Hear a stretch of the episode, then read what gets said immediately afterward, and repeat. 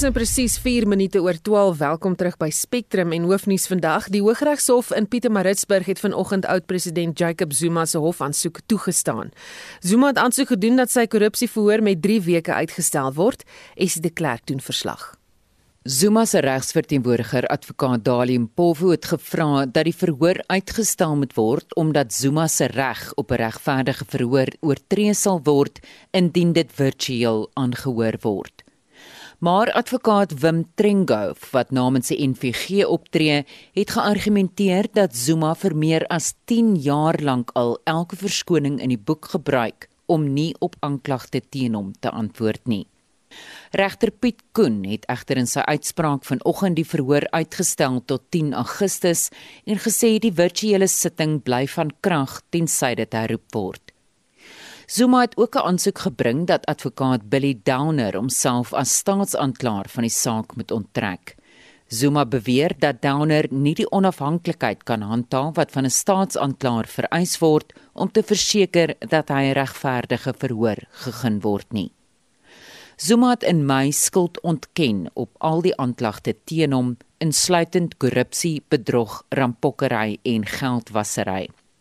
Die 16 aanklagte teen hom hou verband met 783 betalings wat hy na bewering ontvang het van sy voormalige finansiële raadgewer Shabir Sheikh, sowel as beweerde omkoopgeld van 500 000 rand per jaar wat deur 'n Franse wapenvervaardiger Thales aan hom betaal is. Die betaling is na bewering ook deur Sheikh gefasiliteer. Ek is Estie de Klerk vir SAK nuus. Nou behalwe die gebeure in die Pietermaritzburg Hooggeregshof waar die Zuma korrupsie voor uitgestel is, het die Pretoria se Hooggeregshof ook uitspraak gelewer in die saak waarin die EFF aansoek gedoen het dat die skenkers van die sogenaamde CR17 miljoene bekend gemaak moet word. En ons praat nou met die politieke ontleder Dr Ina Gous van Universiteit van die Vrystaat. Goeiemôre Ina. Goeiemôre. Jou reaksie op die uitstel van die Zuma saak? Ehm um, ek dink onder omstandighede is dit nie 'n verrassing nie. As jy kyk na die verskillende ehm um, uh, hofsaake wat reeds uitgestel is as gevolg van die ehm um, die geweld en en en uh, wat ons die afgelope week gehad het. Ehm um, sou dit baie moeilik wees vir die regter om op die stadium nie ehm um, die uitstel toe te staan nie. Ehm um, dit is net frustrerend natuurlik vir die publiek wat graag wil hê dat uh, dat die uh, verhoor moet aan die gang kom. Ehm um, Maar ja, dit dit dit was verwag om om eerlik te wees.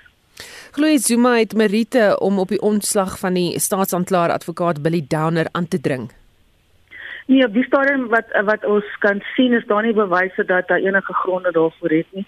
Ehm um, en sou hy in elk geval daarin slaag, ehm um, ek weet hy weer, by beweer dat sou hy slaag om die advokaat van die saak af te kry dat dit sou rede wees om hom dan vry te spreek wat ek meen geen logika inhou nie eh, want daar's baie ander persone by die nasionale vervolgingsgesag wat die saak kan kan kan verhoor dan.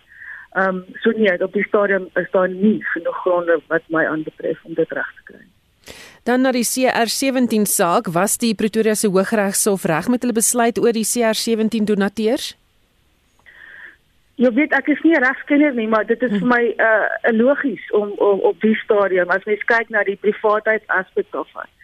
Ehm um, uh, jy weet die die die onregmatige wyse waarop uh, die uh, public pro, uh, weet prosecute um, uh, protector die inligting bekom het. Die probleem is nou omdat dit aan die hof voorhandig is, is dit veronderstel om in die publieke domein te wees. Dit is die groot argument gewees van die EFF. Dit is oorhandig, daarom moet dit publiek gemaak word. Uh dit is wel soos sê problematies die die, die privaatheidsaspek daarvan vir vir enige van ons. Ehm um, jy weet om om om om jou privaat aangeleenthede vir jou banksaake privaat te hou. Ehm um, dit is aangevoer is kan 'n mens verstaan omdat uh, jy weet dat die president en wat daar staan in die president sou word ingesluit het en enige invloed wat uh persone of maatskappye wat donateurs was daar kan hê op hom um, as as as as staatshoof So daar's baie argumente te maak hiervoor, maar ek dink die die die groot een uh, in die kern is is privaatheid. Dink jy die publiek sou anders reageer het as die CR17 miljoene deur Zuma ingesamel is? Dis 'n goeie vraag. Ek dink met die uh die beeld wat hy het en die klagtes wat die reeds teen hom is, uh jy weet uh, ja, sou daar maar dit wees in die feit dat uh, dat die publiek ook anders sou reageer het. Maar ek meen ons weet ook dat ehm um, as gevolg daarvan en en Zuma se korrupsie sake rondom hom dit baie beter sou wees dat dat dat ons in die vervolg sal weet uh jy weet wie donateurs is en uh wie dan op daai manier invloed kan hê op 'n persoon of 'n politieke party. Wat is die implikasies van hierdie besluit deur die hof vir partye se toekomstige leierskapsveldtogte?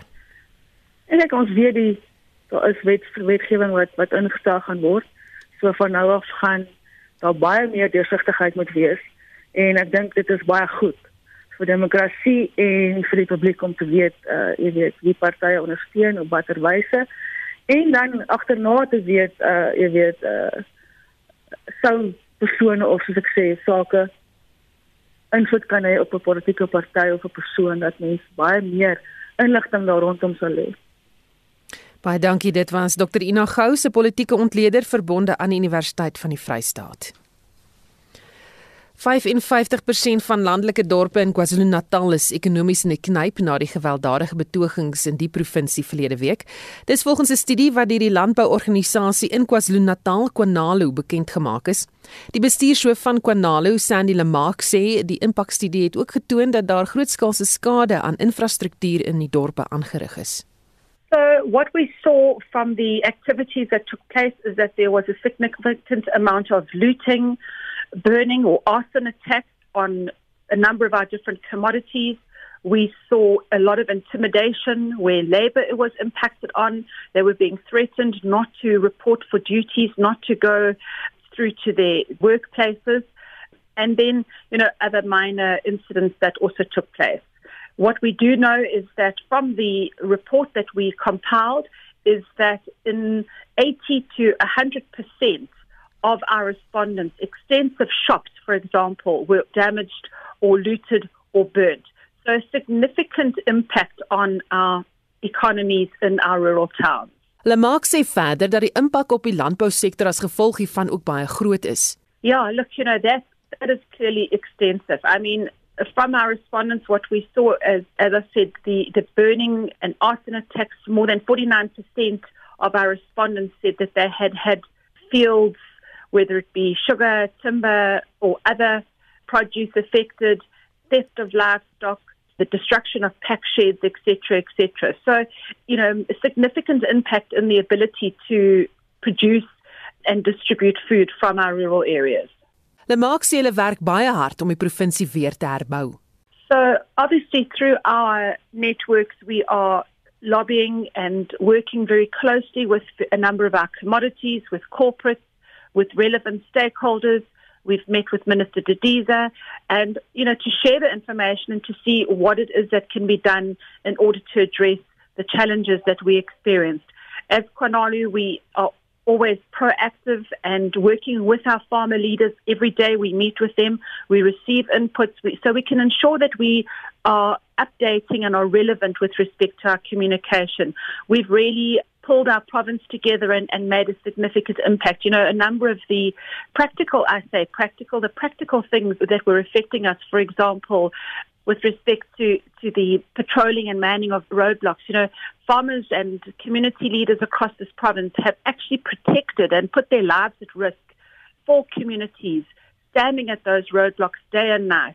We've coordinated initiatives to ensure that we can start getting produce moving, reopening up of routes, looking at proactively how do we address this impact not occurring in terms of our trade routes and particularly for example the call that we're making and working with as i said various stakeholders to say how do we um, ensure that the N3, perhaps the Moy River toll, needs to be completely removed.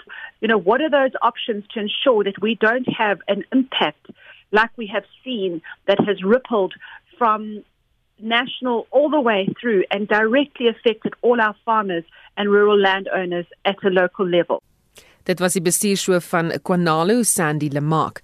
En vir die jongste verwikkelinge wat betref verlede week se geweldpleging in KwaZulu-Natal en Gauteng, praat ons met Heinrich Weingart. Heinrich? Susan Brug, lede van die Suid-Afrikaanse Nasionale Weermag, behou steeds 'n sigbare teenwoordigheid in gebiede en spesifiek by van die winkelsentrums waar die plundering verlede week hier in Gauteng en in KwaZulu-Natal plaasgevind het. Die parlement se gesamentlike staande komitee oor polisiedienste sowel as die portefeulje komitee vergader van vanoggend af reeds in Durban en die vergadering is ook deur die minister van polisie Bekkie Cele bygewoon. Dit het weliswaar na 'n baie beknopte vergadersaal gelyk waar hulle byeenkom. Nou ek moet dalk net noem dat wat dit vir die LPs moontlik maak om op die wyse te kon vergader was 'n aanpassing aan die inperkingsmaatreëls wat verlede week in 'n spesiale staatskoerant gepubliseer is. En hiervolgens mag LPs, lede van wetgewers, raadslede, politieke partyleiers, geestelike leiers en tradisionele leiers samekomste soos hierdie hou om aan sogenaamde noodsake aandag te gee. Ook die minister van koöperatiewe regering en tradisionele sake Dr Nkosazana Dlamini Zuma is vandag op besoek aan dorpe in die KwaZulu-Natal se Middellande om ondersoek na die vernietiging in te stel. Baie dankie, dit was kollega Heinrich Weingart. Nou intussen stroom hulp van oral oor in Suid-Afrika na KwaZulu-Natal na gemeenskappe wat geraak is deur die gewelddadige betogings. Boere droogtehulp SA MPC tesame met Solidariteit Helpende Hand en Bittereinders ry vandag 50 ton kos na gebiede in KwaZulu-Natal waar die nood groot is.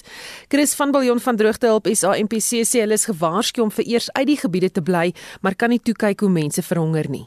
Ons laai vandag 50 ton wat op pad is Mamsentouti toe en dan as die ouens terugkom dan laai hulle weer 'n 50 ton wat dan Pinetown toe gaan. En hoekom daai gebiede? Dit is die twee gebiede wat ons kon identifiseer wat nog die minste help gekry het of dalk glad nie hulp gekry het nie. So ons het hulle twee gekies en dan ook het Solidariteit wat saam met ons werk nou op hierdie projek het gevra dat ons hulle help om kos in Mamsentouti area te kry want hulle kan dit afvat so toe nie so nou help ons hulle ook om dit te doen. Hoekom is daar nog nie hulp nie? Hoekom kom daar nie vragmotors met voedsel daar uit nie? Ek dink daai twee areas is van die gevaarliker areas. Ons is gewaarsku vanoggend dat daar nog steeds gebrand word en so voort. So hulle is van die gevaarliker areas. Die mense sien nie kans om daar in te ry nie. En uh ek dink dit is die rede, juis omdat niemand wil wil sy voertuig aan die brand gesteek hê nie. Dit is 'n redelike ja. risiko, maar jy voel jy moet gaan help. Dis 'n groot risiko. Dis 'n groot risiko. Dit is ook die rede hoekom ons swaar gewapende manne saamvat. Ons het begeleiding wat saam met die trokkery En die ouens is reg, as daar iets moet gebeur, dis mense wat goed opgelei is en presies weet wat om te doen in omstandighede soos daai situasies. Is daar spesifieke plekke wat julle gaan help? Jy het nou vertel van 'n ouer huis? Ja, ons konsentreer grootendeels op die ouer huise wat nie hulp kry nie en uh, hulle kan ook nie gaan koop net nie. So daar is 'n groot nood by die ouer huise waarop ons nou spesifiek konsentreer. Het julle planne ja. om ander plekke ook te help, weet in hierdie tyd? As ons fondse kry, dan sal ons baie graag wil help. Weet jy, ons kan nie laat die mense honger ly en sonder kos gaan nie. Ons wou 'n bietjie wag en sê laat die stof net eers gaan lê voordat ons help, maar met die oproepe wat ek gekry het en die mense wat smeek vir hulp, het ek erns van die saak besef. So ons moet nou help. Ons kan nie wag nie. En dit was Chris van Biljon van Droogtehulp SA MPC. Suid-Afrikaners sal later vandag 'n beter idee hê of hulle op 27 Oktober in die plaaslike munisipale verkiesing sal stem. Voormalige adjunkhoofregter Dikgang Mosenetjie wat aan die hoof gestaan het van die kommissie wat ondersoek het of die verkiesing moet voortgaan te midde van die COVID-19 pandemie, oorhandig vanmiddag sy aanbevelings aan die verkiesingskommissie. Mosenetjie se kommissie het meer as 4000 versoeke van die publiek ontvang en politieke partye, gesondheidswerkers en ander belanghebbendes het ook mondelinge getuienis gelewer. Is die klerk doen verslag. Terwyl daar verdeeldheid bestaan oor of die plaaslike munisipale verkiesing in Oktober moet voortgaan, het die onrus wat in KwaZulu-Natal en dele van Gauteng waargeneem is, moontlik die opinie van sommige mense verander. And maybe next year when everything is well, then we can put in 100% effort to go on with the elections. The IEC right now needs to find a way, working with the government, to speed up the process of vaccine distribution, the vaccine, and all that. I don't think they should do any elections at all because you can see like what's happening in the country. Politieke partye verskil oor die kwessie. Die ANC is van mening dat die verkiesing met tussen 1 tot 6 maande uitgestel moet word vanaf Oktober sê die ANC se adjunksekretaris-generaal Jessie Duarte. Campaigning is possible under level 1 and 2 even if there are restrictions on gatherings but level 3 and 4 makes elections campaigning impossible. Die EFF is ook ten gunste daarvan dat die verkiesing uitgestel word, sê die partyleier Julius Malema. Hy wil hê die verkiesing moet eers in April volgende jaar plaasvind. Elections will not free and fair because you cannot curtail the movements of politicians. Yes, the pandemic is not going anywhere. April because we must give ourselves sufficient time between your report and the next elections to check if the behavior of the pandemic is being put under control, but also to allow some sufficient space in between for politicians to launch their manifestos and all of that. Die DA sê egter die verkiesing moet op 27 Oktober voortgaan. Die party sê die VK het gedurende die onlangse tussenverkiesings bewys dat die verkiesing vlot kan verloop midde die pandemie. Die DALP Werner Horner het die voorlegging namens die party by die Moseneke kommissie gelewer. If all of the submissions by the scientists are taken into account, the only three things that can be concluded by this inquiry are the following. One, that this pandemic is not going away anytime soon. Two, that while it's very difficult to predict the further trajectory of the pandemic, the most likely path from now until October shows a likelihood of us finding ourselves in a break between the third and a possible fourth wave, which would, of course, be optimal for campaigning and voting. Suid-Afrika se COVID-19 inentingsveld tog gee die DA hoop dat die verkiesingskommissie by die verkiesingsskedule sal kan hou. Maar volgens Fatima Hassan van die nie-regeringsorganisasie Health Justice Initiative moet die beperkte hoeveelheid entstowwe wat aan ontwikkelende lande voorsien word in gedagte gehou word. While government anticipates and is making a lot of effort and doing a lot of hard work to increase the current rate of vaccinations, even if this is achieved, this is, goes to your question earlier. We think it would take well into 2022 for South Africa to achieve population immunity from infection through vaccination. Moseneki sal vandag sy verslag met sy aanbevelings aan die VK oorhandig en die verkiesingskommissie sal dan besluit hoe om voort te gaan. Sou die VK besluit om die verkiesing uit te stel, moet die verkiesingshof genader word. Die verslag is saamgestel deur Boesie Chimombe en ek is Estie de Klerk vir SAK nuus. Nou soos jy pas gehoor het, die voormalige adjunkhoofregter Dikgang Mosenetjie sal vanmiddag sy verslag aan die verkiesingskommissie oorhandig oor of dit raadsaam sal wees om te midde van die COVID-pandemie met vanjaar se plaaslike verkiesing voort te gaan. Die verkiesing word vir 27 Oktober beplan en ons praat nou met die Wes-Kaapse verkiesingshoof Michael Hendriks. Goeiemiddag Michael. Uh goeiemiddag Susan. Ons weet jy Goeiemiddag aan die luisteraars. Skus ja, ons weet jy kan nie namens die kommissie praat nie, maar wat was die aanvanklike motivering dat regter Mosenetjie gevra is om die ondersoek te doen? Kyk, dit dit dit gaan regtig oor oor oor twee dinge. Die eerste is die pandemie en en wat wat die invloed van die pandemie is op op ons almal. Jy, jy weet nie net uh, aan aan die kiesers nie, maar ook die OVK uh ehm um, se se personeel en en ons uh um hoe, hoe ons gaan hoe, hoe ons gaan voorberei vir die verkiesing. En dan tweedens natuurlik is dit die maatreëls wat die regering toepas in terme van om om te keer dat die pandemie uh, uh versprei. So dit is uh die groot uh, die groot uh, um, twee dinge wat ons in ag geneem het en omdat die wet ons toelaat om dan jy weet so ondersoek te loods voor die verkiesing het het die OVK dan uh, oudregter uh, Mosenetjie aangestel om om hierdie ondersoek vir ons te doen en en so sien dat reg gesê dit uh, om dan submissies te kry van partye af, gesondheidsowerhede, kenners en so meer en ook en ook die publiek. Wat gebeur nadat die verslag vanmiddag aan die OFK oorhandig word? Ehm um, nadat dit oorhandig word, uh, um, sal die kommissie daaroor moet uh, besleg. Ehm um, en en dan besluit uh, wat uh, uh, jy weet uh, wat wat hulle dan van uh, going forward wat wat ons gaan doen. Ehm um, want want die moet onthou dat die minister van van uh, cooperative governance is die een wat die verkiesings moet uh, proklameer. So ons sal dan in in gesprek met haar moet wees uh, um, in terme van wat ons uh, uh, recommendations gaan wees oor oor die verkiesing. Watter invloed het die pandemie op julle normale voorbereiding vir 'n verkiesing? Kyk dit dit het want, want jy moet nou onthou dat uh, um, jy het allerlei maatreëls nodig al die PPE's wat ons moes uh, bygekom het. Um, ons moes uh, ons uh, registrasie naweek uitstel die, met met 2 weke sodat ons net uh, um, kan beter uh, voorberei uh, en en ook omdat die die, die third wave so hoog gewees het. So dit het dit het 'n groot invloed gehad op ons um, voorbereidings. Hmm. Hoe vorder die aanlyn registrasies vir die verkiesing? Uh, sover so goed. Uh, ek dink uh, dit is uh, jy weet baie mense ek al gesien uh, op WhatsApp en so aan tweets en mense sê jy is so, so maklik en so vinnig om te doen.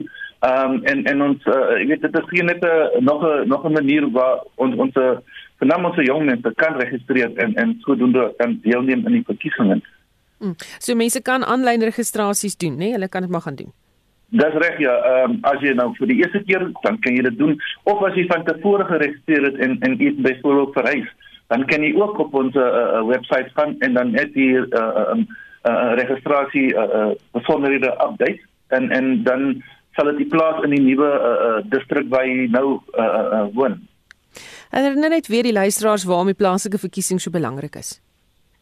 Kyk ja, dit gaan maar oor oor uh, jou bread and butter issues. Dit is jou raadslede wat op die einde van die dag uh, gaan moet besluit oor dinge soos jou jy weet wat wat plaaslike regering doen. Uh, want dit is tog waar die um, soos hulle sê in Engels um where the the the road the, the toy is the road. So uh, um the tie is the road. So I mean dit is kom ons so belangrik is. As u uh um, kyk uh, wat om ons gaan en jy sê maar kyk on, ons kan beter verantwoordiging kry, dan moet jy iets doen aan trend. Um as jy tevrede is, dan wys jy ook jou tevredenheid uh deur weer te stem vir die vir die persone wat wat u, u ondersteun, maar dit is so belangrik uh um dat ons deelneem deelneem van van hierdie uh, demokrasie wat ons so uh um uh um, nou na in die hart is. En dan Michael, ek wil terugkom na die Mosonetjie verslag toe. Sou daar 'n voorstel wees, sou daar 'n voorstel wees dat die verkiesing uitgestel word. Wat is die proses?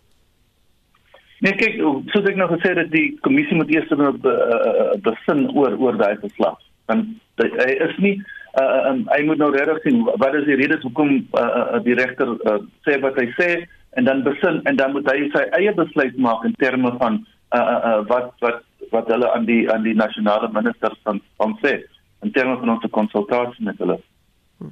Baie dankie. Dit was die Wes-Kaapse verkiesingshoof Michael Hendrikse.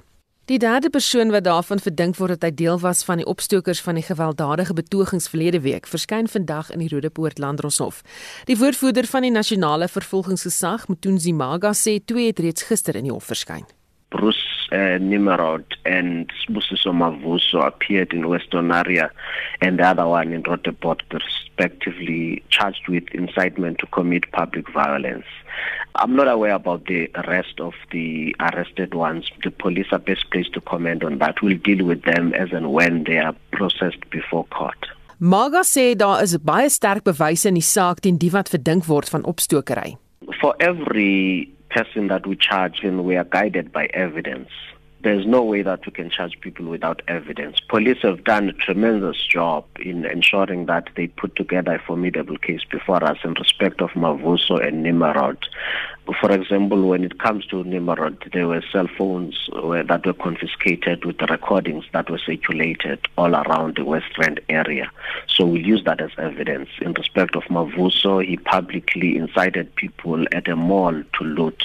So there are witnesses to, in that regard. And fortunately for us, there has been active citizenry where people apprehended some of these suspects or accused persons, and therefore there will be witnesses, and they were handed over to law enforcement who will also be witnesses. So police will put together formidable cases that will present in court in order to secure a conviction. Maak verduidelik hoe die groot groep mense wat betrokke was by die betogings en plundering aangekla gaan word. There's a principle called common purpose where if you deal with a large number of group even if one has not done anything, but if you break into a shop and that person is present inside the shop, by association, you'll be able to charge that person with theft and housebreaking and malicious injury to property because he needs to explain his presence there. So by association, that person is guilty if you invoke the principle of common purpose. Maga sê daar's ook geen sprake van 'n sogenaamde amnestie waar tydens die mense gesteelde goedere terug kan besorg nie. We haven't had an engagement with them, so there has not been a discussion of that nature at the JCPS Justice Crime Prevention and Security Cluster level. So as prosecutors, we are prosecuting them without that consideration.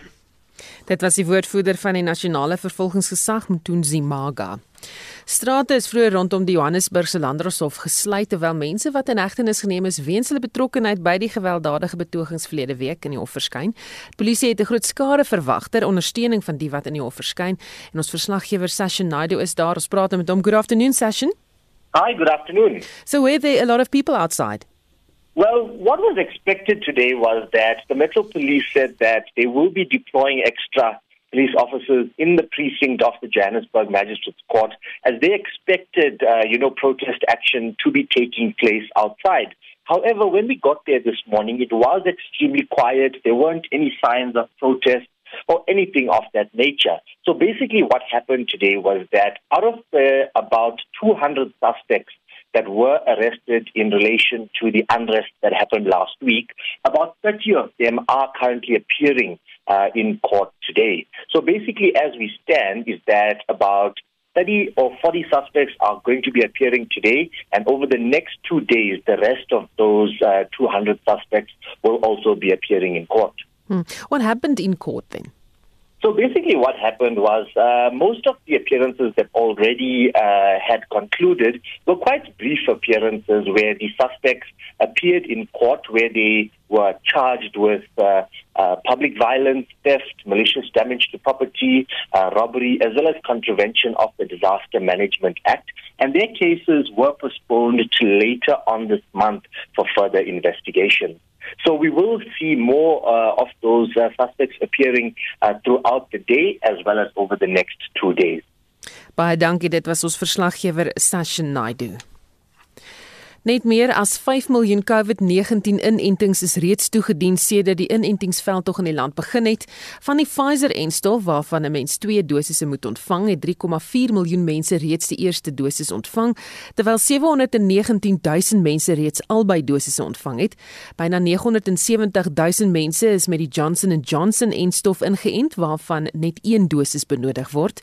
Dr. Jantjie Taljaard, 'n infeksiebeheerspesialis aan die Tygerberg Hospitaal in Kaapstad, het aan Gustaf Greiling gesê dat die onlangse onrus wel 'n impak op inentings gehad het. Ja, ek dink mense moet nou in 'n perspektief na die program kyk. Ek dink dit gaan redelik goed in terme van die mate wat dit toegeneem het die afgelope maand. Maar natuurlik dink ek dit gaan nog 'n bietjie stadig as ons as ons die, die syfers wil bereik wat beplan is. En dan ja, ek dink mense kan aanneem dat veral in die areas waar daar onrus was, veral KwaZulu-Natal en Gauteng, dat daar 'n terugslag was uh, in die week van die onluste en dat dit net tyd sal vat om dit weer op te maak. Ons het ook net gehoor dat maatskaplike werkers ook nou ingeënt kan word. Dink jy daar is ander groepe wat ook uh, prioriteit moet kry? Ja, ek dink dit is 'n moeilike vraag eintlik want 'n inentingsprogram lê op twee pilare. Die een is om die individu te beskerm en daar sal mense natuurlik die spesiale groepe teiken. Maar maar die tweede komponent is wat baie belangrik is is dat dit 'n publieke ingreep is en dan wil jy soveel as moontlik mense inent want dan kry jy die populasie immuniteit wat jy nodig het om mense wat nie ingeënt is nie te beskerm wat natuurlik ook in die hoë risikogroepe kan val. So ja, ek dink mense kan definitief mens moet altyd natuurlik saam doen, mens kan ander groepe teiken. Ek dink die maatskaplike werkers, ek dink mense moet kyk na polisielede, enige iemand wat met die publiek op 'n daaglikse basis interaksie het dink ek sal goeie groepe wees om in te ent vroeg maar natuurlik ook voor te gaan om enigiemand wat ons eintlik kan in ent in te ent want dit dra by tot populasie immuniteit. Jy praat so hoe mense daardie kudde immuniteit bereik. Die inentingsproses in Suid-Afrika is natuurlik heeltemal vrywillig, maar ons sien nou reeds in Europa en Frankryk spesifiek, daar's beperkings op die toegang tot restaurante en hotelle vir mense wat nie ingeënt is nie. Dink jy ons gaan by daai punt kom waar dit so op 'n manier verpligtend begin raak? Dit dit is 'n interessante vraag. Suid-Afrika het baie regte, baie individuele regte. Dit is moeilik om te sê, maar natuurlik enige persoon um, kan die reg voorbehou. So jy kan sekerlik 'n bord op sit en sê uh, wys my dat jy dat jy ingeënt is. Ek dink mense gaan um, al hoe meer besef dat dit 'n goeie ding is om ingeënt te word. Dit gee vir jou vryheid, dit gee vir jou vermoë om rond te beweeg en vir al as jy vir besigheid of vakansie wil reis, gaan dit definitief 'n uh, vereiste moet wees. Die inenting is nie uh, die oplossing vir alles nie. Dis nie jy is nie heeltemal immuun nie. Daar's mense wat nog steeds siek word al het jy die inenting gekry, kan jy aansteek. Dis 'n moeilike vraag wat nog nie 100% beantwoord is soos vreeslik baie ander COVID-19 vrae, maar die inligting wat ons op die oomblik het is dat 'n mens wel infeksie kan kry, baie minder en ons noem dit deurbraak infeksies. En wanneer jy dit kry dat jy 'n laer virale lading het en minder siek word, Die aanname wat ons nou daarvan maak is dat as jy 'n laer virale lading het, minder siek is, dit is dat jy minder sal oordra aan ander mense ook. En daar is vroeë data, nie baie goeie data nie wat wys dat dit wel korrekte aanname is, maar ek dink ons moet wag vir meer inligting hieroor. Want ons weet natuurlik dat 'n mens kan asymptomaties wees en ook nog steeds die virus aansteek. So daardie virale lading is is die sleutel. As die virale lading hoog is, dan gaan die mense aansteek. Ja, daar is 'n direkte korrelasie tussen hoe hoog die virus in die boonste lugweg is teenoor die vermoë van dit om aan te steek. Wat is die nuutste inligting wat ons het oor hierdie Delta variant van die virus? Die Delta variant is definitief baie meer aansteeklik en dit is een van die makliker dinge om agter te kom van 'n virus van 'n variant is want hy neem heeltemal oor. Dan hy word die dominante variant uh, wat teenwoordig is en vinniger hy oorneem, hoe meer aansteeklik is hy want hy hy verdryf die ander variante vinnig. So hy's baie meer aansteeklik. Dit lyk nie of hy 'n baie erge siekte veroorsaak nie. Daar is vroeë data wat nou vanaf Engeland en ander lande kom wat wys dat hy miskien 'n meer verkoue simptome kan veroorsaak. Hmm. Dan word die loopneus, die tipiese verkoue wat ons nie eintlik so sterk geassosieer het met COVID-19. Dis daar uh, vroeë data wat wys dat dit moontlik met die Delta variant meer algemeen kan wees. Dit is net 'n gewone verkoue tipe van simptome kan wees. So ek sal vir mense wat verkoue simptome het aanraai om ook te oorweeg om maar eerder by die huis te bly of selfs te laat toets. Hoe effektief is hierdie eindstowwe wat ons in Suid-Afrika het, Pfizer en Johnson & Johnson? Hoe effektief is dit teen spesifiek hierdie Delta variant of is die variant bietjie meer weerstandig? Die variant is definitief bietjie meer weerstandig, maar hulle is nog steeds ehm um, um, effektief genoeg om te gebruik. Die Pfizer moet mens definitief jou tweede inenting ook kry. So uh, dit is baie belangrik dat mense die tweede inenting kry dit dra by tot meer volledige immuniteit tot so hoog as 80% teenoor die Delta variant. Die Johnson's is minder effektief maar nog steeds in die hoë 60s tot 70%. Is dit so dat mense nog steeds die Delta variant kan kry, kan siek word, maar jy word nie so ernstig siek nie? Ja, dit is die geval. Eh, so jy kry deurbraakinfeksies, maar meeste van daai deurbraakinfeksies gaan nie erge siekte wees nie. Dit gesê dat daar is tog 'n klein persentasie nog steeds van mense wat in die hospitaal kan beland ten spyte van 'n inenting, maar dit is baie baie minder as wat dit daar sou gewees het sonder 'n inenting. Nou jy praat nou so oor hierdie deurbrake en die virale lading en so aan. As 'n mens so 'n inenting gekry het, net jou tweede dosis en jy dink nou is ek vry, nou kan ek doen wat ek wil, moet jy nog steeds jou masker dra en jou hande was en wegbly van mense af ek dink dit is belangrik om jou risiko's te bepaal waar jy gaan en en te verstaan dat as daar vir alles daar ander mense is wat siek is dan sou jy in elk geval in normale tye nie noodwendig te naby aan daai mense gekom het nie en hulle geskit het nie. En wanneer jy siek is moet jy op die huis bly. So kan jy dan die risiko's ook verlaag. Maar soos jy nou ook self sê al het jy die inenting gekry in die tyd waar daar nog steeds baie virus sirkuleer in die gemeenskap dan dink ek is dit baie belangrik om nog steeds voort te gaan met die voorkomingsmaatreëls. Tot tyd en wyl mens die virus in die, in die populasie in die algemeen so laag kan kry dat dit 'n uitsonderlike geval is, dan kan al meer vryheid wees. Ek weet nie of jy onlangs gekyk het na die syfers nie, maar hoe naby is, is ons daaraan om oor hierdie derde vlaag te wees? Dit lyk vir my of die piek reeds bereik is in in Gauteng. Hmm en dit het op die afwaartse neiging is en dan is daar ook vroeë vroeë tekens in die Weskaap dat dit bereik is en lyk of in die Weskaap die piek hierdie keer baie platter is in teenstelling met die Gautengse piek wat 'n baie skerp en baie hoë piek was. En dink jy ek sien hulle sê 2617 nuwe gevalle in Gauteng en 1234 nuus in die Weskaap. Dink jy die inentingsveld tog dra by daartoe dat hierdie derde vlaag nou 'n bietjie meer onder beheer is? Ja, dis 'n baie moeilike vraag. Ek dink nie ons het die syfers reeds bereik om so hmm. groot impak te hê nie maar ek dink tesame met die vorige infeksies wat 'n mate van immuniteit veroorsaak, tesame met die inperkingsmaatreëls wat 'n paar weke terug ingestel is, het dit almal saam 'n uh, impak gehad om die piek miskien te vervroeg en die syfers te laat daal. En daar sien jy nou 'n belangrike ding. Kom ons vra vir jou dit ook. As jy reeds die virus gehad het, as jy reeds gesond geword het en jy voel jy het nou jou immuniteit, moet jy nog steeds ingeënt word. Ja, absoluut. Die soort van immuniteit wat 'n mens kry as gevolg van inenting is anderster as die natuurlike immuniteit en dit lyk of dit die twee bymekaar die een die ander een versterk en dat dit 'n wyeer immuniteit veroorsaak as jy ingeënt word ten spyte van vorige infeksie. En dit was dokter Jantjie Taljaard, 'n infeksiebeheer spesialis aan die Tygerberg Hospitaal in Kaapstad en hy het met Gustaf Greiling gepraat in Monitor vanoggend. Die Olimpiese spele begin Vrydag in Tokio, Japan en ons praat nou met die atletiekskrywer en statikus. Dis Real Houman. Goeiemôre Real. Goeiemôre Susan. Wat is jou indrukke van die Suid-Afrikaanse atletiekspan en watter atlete was ongelukkig om nou nie die paal te haal nie? Ja, ek dink dit is goed dat jy die laaste die laaste deel van jou sin Uh, want ek dink dit is amper belangriker wie is nie in die span nie as wie is daar en ek verwys nou spesifiek na Caster Semenya uh wat deur wêreldatletiese regulasies verbied word om aan haar voorkeurnommer die 800 meter deel te neem waar sy nou reeds twee Olimpiese titels gewen het. Sy sou die algehele gunsteling gewees het in Tokio, maar sy moes toe probeer kwalifiseer in die 5000 meter wat sy uit die aard van die saak nie kon regkry nie. So sy is nie in die span nie. Ek dink ons span soos wat hy gekies is op die ou end het twee potensiële of sterk uh, medalje kandidaate. Die eerste ene is Akani Simbini in die 100 meter. Nou Simbini het onlangs uh, 'n nuwe Afrika rekord van 9.84 sekondes in die 100 meter opgestel. Dis die tweede vinnigste tyd in die wêreld vir jaar. En hy is natuurlik 'n man met baie ervaring. Hy was by die vorige Olimpiese spele 5de en by die wêreldkampioenskappe in 2019 was hy 4de. Hy het so week of wat gelede in Monaco het hy teen die drie top Amerikaners wat hy in Tokio ook gaan ontmoet deelgeneem. Hy's geklop daar deur Ronnie Baker, maar hy die wêreld se vinnigste man, Kevin Bromel, en die wêreld se derde vinnigste man, Fred Curley, albei daar geklop. So ek dink sy kanse is uitstekend in Tokio. Dan da, die tweede man wat ek wil noem, die tweede atleet daar hang 'n vraagteken oor hom soos die afgelope 4 jaar al Wade van Niekerk wat 4 jaar gelede aan 'n onsinnige rugbywedstryd deelgeneem het en van toe af sukkel met 'n besering. Hy het wel vir jaar al 'n uh, 44.56 gehardloop. Onthou sy wêreldrekord is 43.03.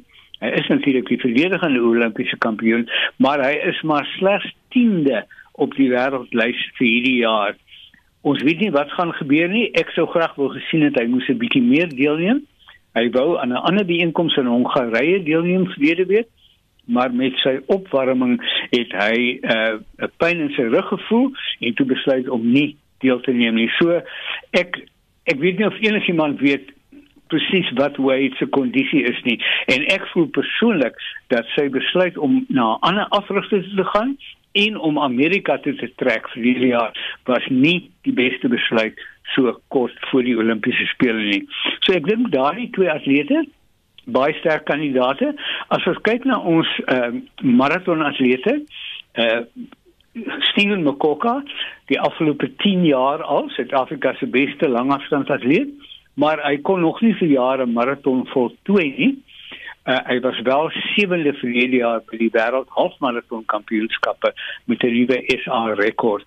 En dan die vroue, Gerda Steyn, die fenomenale comrades in twee oseane atleet wat vroeër verjaar of net so 'n paar maande gelede eintlik 'n nuwe SA rekord in die maraton opgestel het. 2 uur 25 minute en 28 sekondes.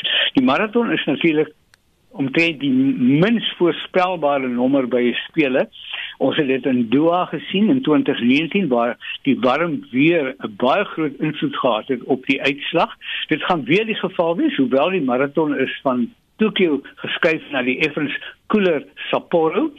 Ehm um, maar dit is nog steeds warm en uh, ek dink in daardie onder daardie omstandighede kan enigiets gebeur en ek sal nie verbaas wees as Gerda onder die top 3 eindig nie. So dan ek dink dit is ons uh, grootste aanspraakmakers. Daar's ander mense soos Mai in die verspring, Rocco van Rooyen en die spiesgooi. Uh, en dan ek dink ons het 'n baie goeie kans in die 4x100 aflos waar mense soos Simbini, Clarence Muniai Sean Maswangani gaan hardloop. So ek dink dit is ehm um, om die situasie op te som, dit is wat ek dink sal ehm um, met ons span gebeur. Baie dankie en ons gaan styf duime vashou vir hulle. Dit was die atletiekskrywer en statikus Real Houman. Die sake nuus word aangebied deur Renier van Sail, portefeuljebestuurder by Efficient Private Clients. Goeiemiddag Renier. Goeiemiddag en goeiemôre aan almal wat inluister. Ons vandag kyk na ons plaaslike mark verhandel hy in die groen Ons alle aandele indeks is op met 0.5% en ons top 40 indeks, met ander woorde die grootste maatskappye is op met 0.7%. Die breër indekse word hoër getrek deur ons hulpbronne wat sterker is as 1% en ons banke is op met meer as 'n halwe persent. As kyk na daardie maatskappy wat die sterkste presteer, is Sasol op met 4.7% en Bidwest, ons industriële groep is op met 2.5%. Aan die ander kant van die muntstuk is Sappi, die papiermaatskappy af met 1% en ons sien ook dat Pick n Pay af is met 0.9%. As ons oorbeweeg en ons kyk by die rand gedoen het van vanoggend se vlakke, het hy so klein bietjie verswak. Hy staan op 14.54 teen die dollar, 19.82 teen die pond en dan 17.13 teen die euro. En as ons kyk na ons kommoditeite, is die prys van goud 0.4% laer. Hy staan op 1816 dollars per fyn ons en die prys van Brent olie is 0.2% laer op 68 dollars en 90 per vatjie Brent. Die Amerikaanse markte het gisteraand hoofsaaklik laer gesluit met 1.5% en meeste van die Europese indekse is vandag in positiewe terrein. En dis dan die einde van die sake nuus. Baie dankie. Dit was eh, Renier van Sail portefeuljebestuurder by Efficient Private Clients. Die kunstenaar Christian Diedrix het die afgelope ruk nie een nie, maar twee groot internasionale toekenninge gewen vir sy werk oor die pandemie. Die reeks getiteld Prey het gefokus op alle emosies wat hy gesien en ervaar het tydens die eerste Grendeltydperk. Die reeks is op plate gelaser en met die hand uitgesny en toe op katoen doek gedruk. Diedrix vertel hy die eerste prys losgeslaan in die Ink Masters kompetisie in Australië en die eerste en tweede plek verower in 'n kompetisie van die Diocesani Museum in Salerno in Italië. Dit is die pryse wat hom ook 'n baie spesiale eer te beurt laat val het. Daar was net mooi 2700 inskrywings waarvan die paneel toe 100 finale werke gekies het en toe kry ek een oggend uit die bloute uit 'n fantastiese e-mailtjie wat sê dat ek die 5de tweejaarlikse Inkfest by Ink Masters in Cairns in Australië gewen het dit is die Dr. Rayo Mayo toekenning. As ek reg verstaan is die kunswerke wat jy ingeskryf het, het te maak met wat ons deurgemaak het toe die eerste golf getref het. Iets wat ons niemand geken het nie en jy het inspirasie daai uitgeput. Vertel my 'n bietjie daarvan. Weet jy, ek dink dit is die aanvanklike vrees wat die reeks Let Us Pray laat ontstaan het in my kop. Ek het gespeel met die woordspel tussen pray soos in bid en pray soos in jag en ek dink die woordspel gee ekstra bietjie krag aan die werke self. Maar dit gaan in 'n neutedop oor die plundering van staatskoffers en die feit dat die regering op daai stadium nie gereed was vir die pandemie nie. En ek het dit onder 'n kritiese soeklig geplaas. Ek het ook na aktuelle sake gekyk soos die ontkenning van aardverwarming, die impak van fopnuus, die hele kwessie van power of mag en natuurlik die gevolglike vrees wat die pandemie veroorsaak het en ek het probeer om uit te wys wat ons regering verkeerd gedoen het op, op daardie stadium en uitgewys dat hulle nie gereed was nie dat die hospitale was oorweldig. En natuurlik die grootste kwessie wat ons ons almal baie geplaai het was die ja die misappropriation of funds die misplasing van fondse om dit nou maar sag te stel. Dis eintlik ruiterlike diefstal maar dit was baie hartseer vir my. So toe ek net besluit daaroor moet ek beslis 'n reeks werke maak. Ek kan nie net een daaroor doen nie want dit is te kompleks. So toe word hierdie werke soos 'n reeks uh filmstrokies wat letterlik 'n storie vertel oor die vyf werke van die eerste een tot by die laaste een.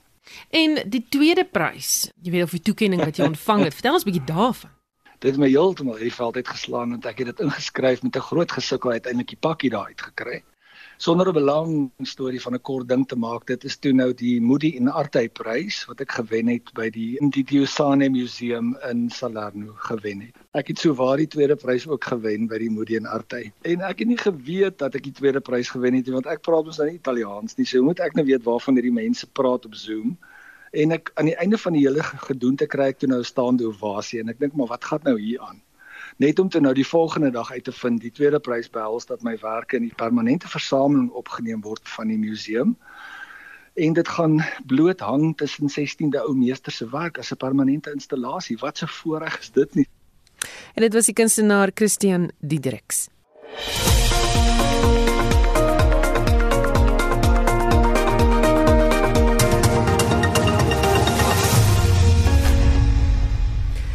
Vir ontwikkelende nuus stories sluit Estie de Klerk nou by ons aan, Estie. Susan twee belangrike hofuitsprake vandag. Die eerste is dat oud-president Jacob Zuma se aansoek dat sy korrupsieverhoor met 3 weke uitgestel moet word deur die Hooggeregshof in Pietermaritzburg toegestaan is. Die tweede dat die sogenaamde CR17 bankstate vir openbare insaag bekend gemaak moet word deur die Hooggeregshof in Pretoria van die hand gewys is. En die politieke ontleder aan die Universiteit van die Vrystaat Dr Ina Gou sê sy is nie verras dat Zuma se saak uitgestel is nie. As mens kyk na die verskillende hofsaake wat reeds uitgestel is as gevolg van die geweld wat ons die afgelope week gehad het, sou dit baie moeilik wees vir die regter om op die stadium nie die uitstel toe te staan. Dit is net frustrerend natuurlik vir die publiek wat graag wil hê dat verhoor moet aan die gang kom.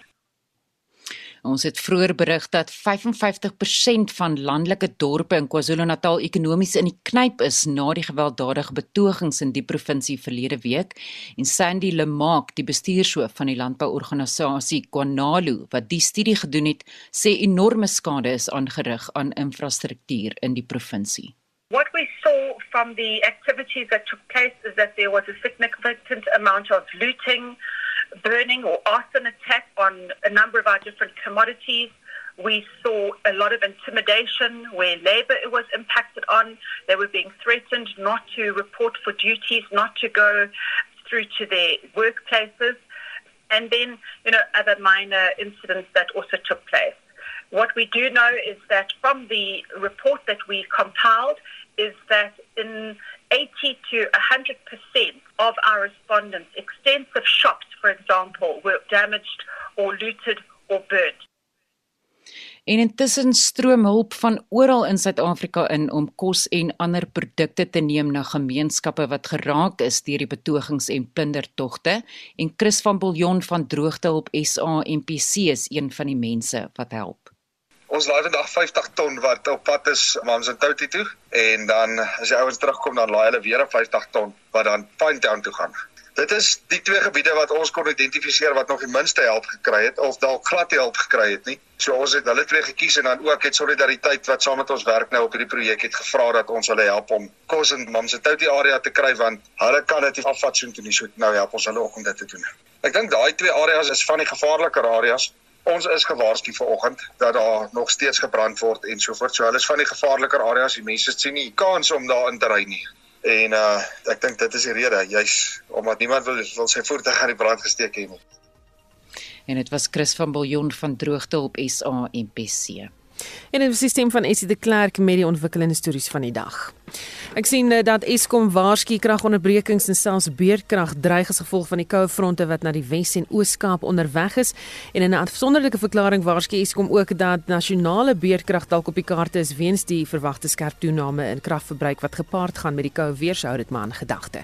daarmee groet die Spectrum span. Ons groet namens ons waarnemende uitvoerende regisseur Hendrik Martin, redakteur Wessel Pretorius, ons tegniese regisseurs vandag Daiter en Godfrey en Johan Pieterse.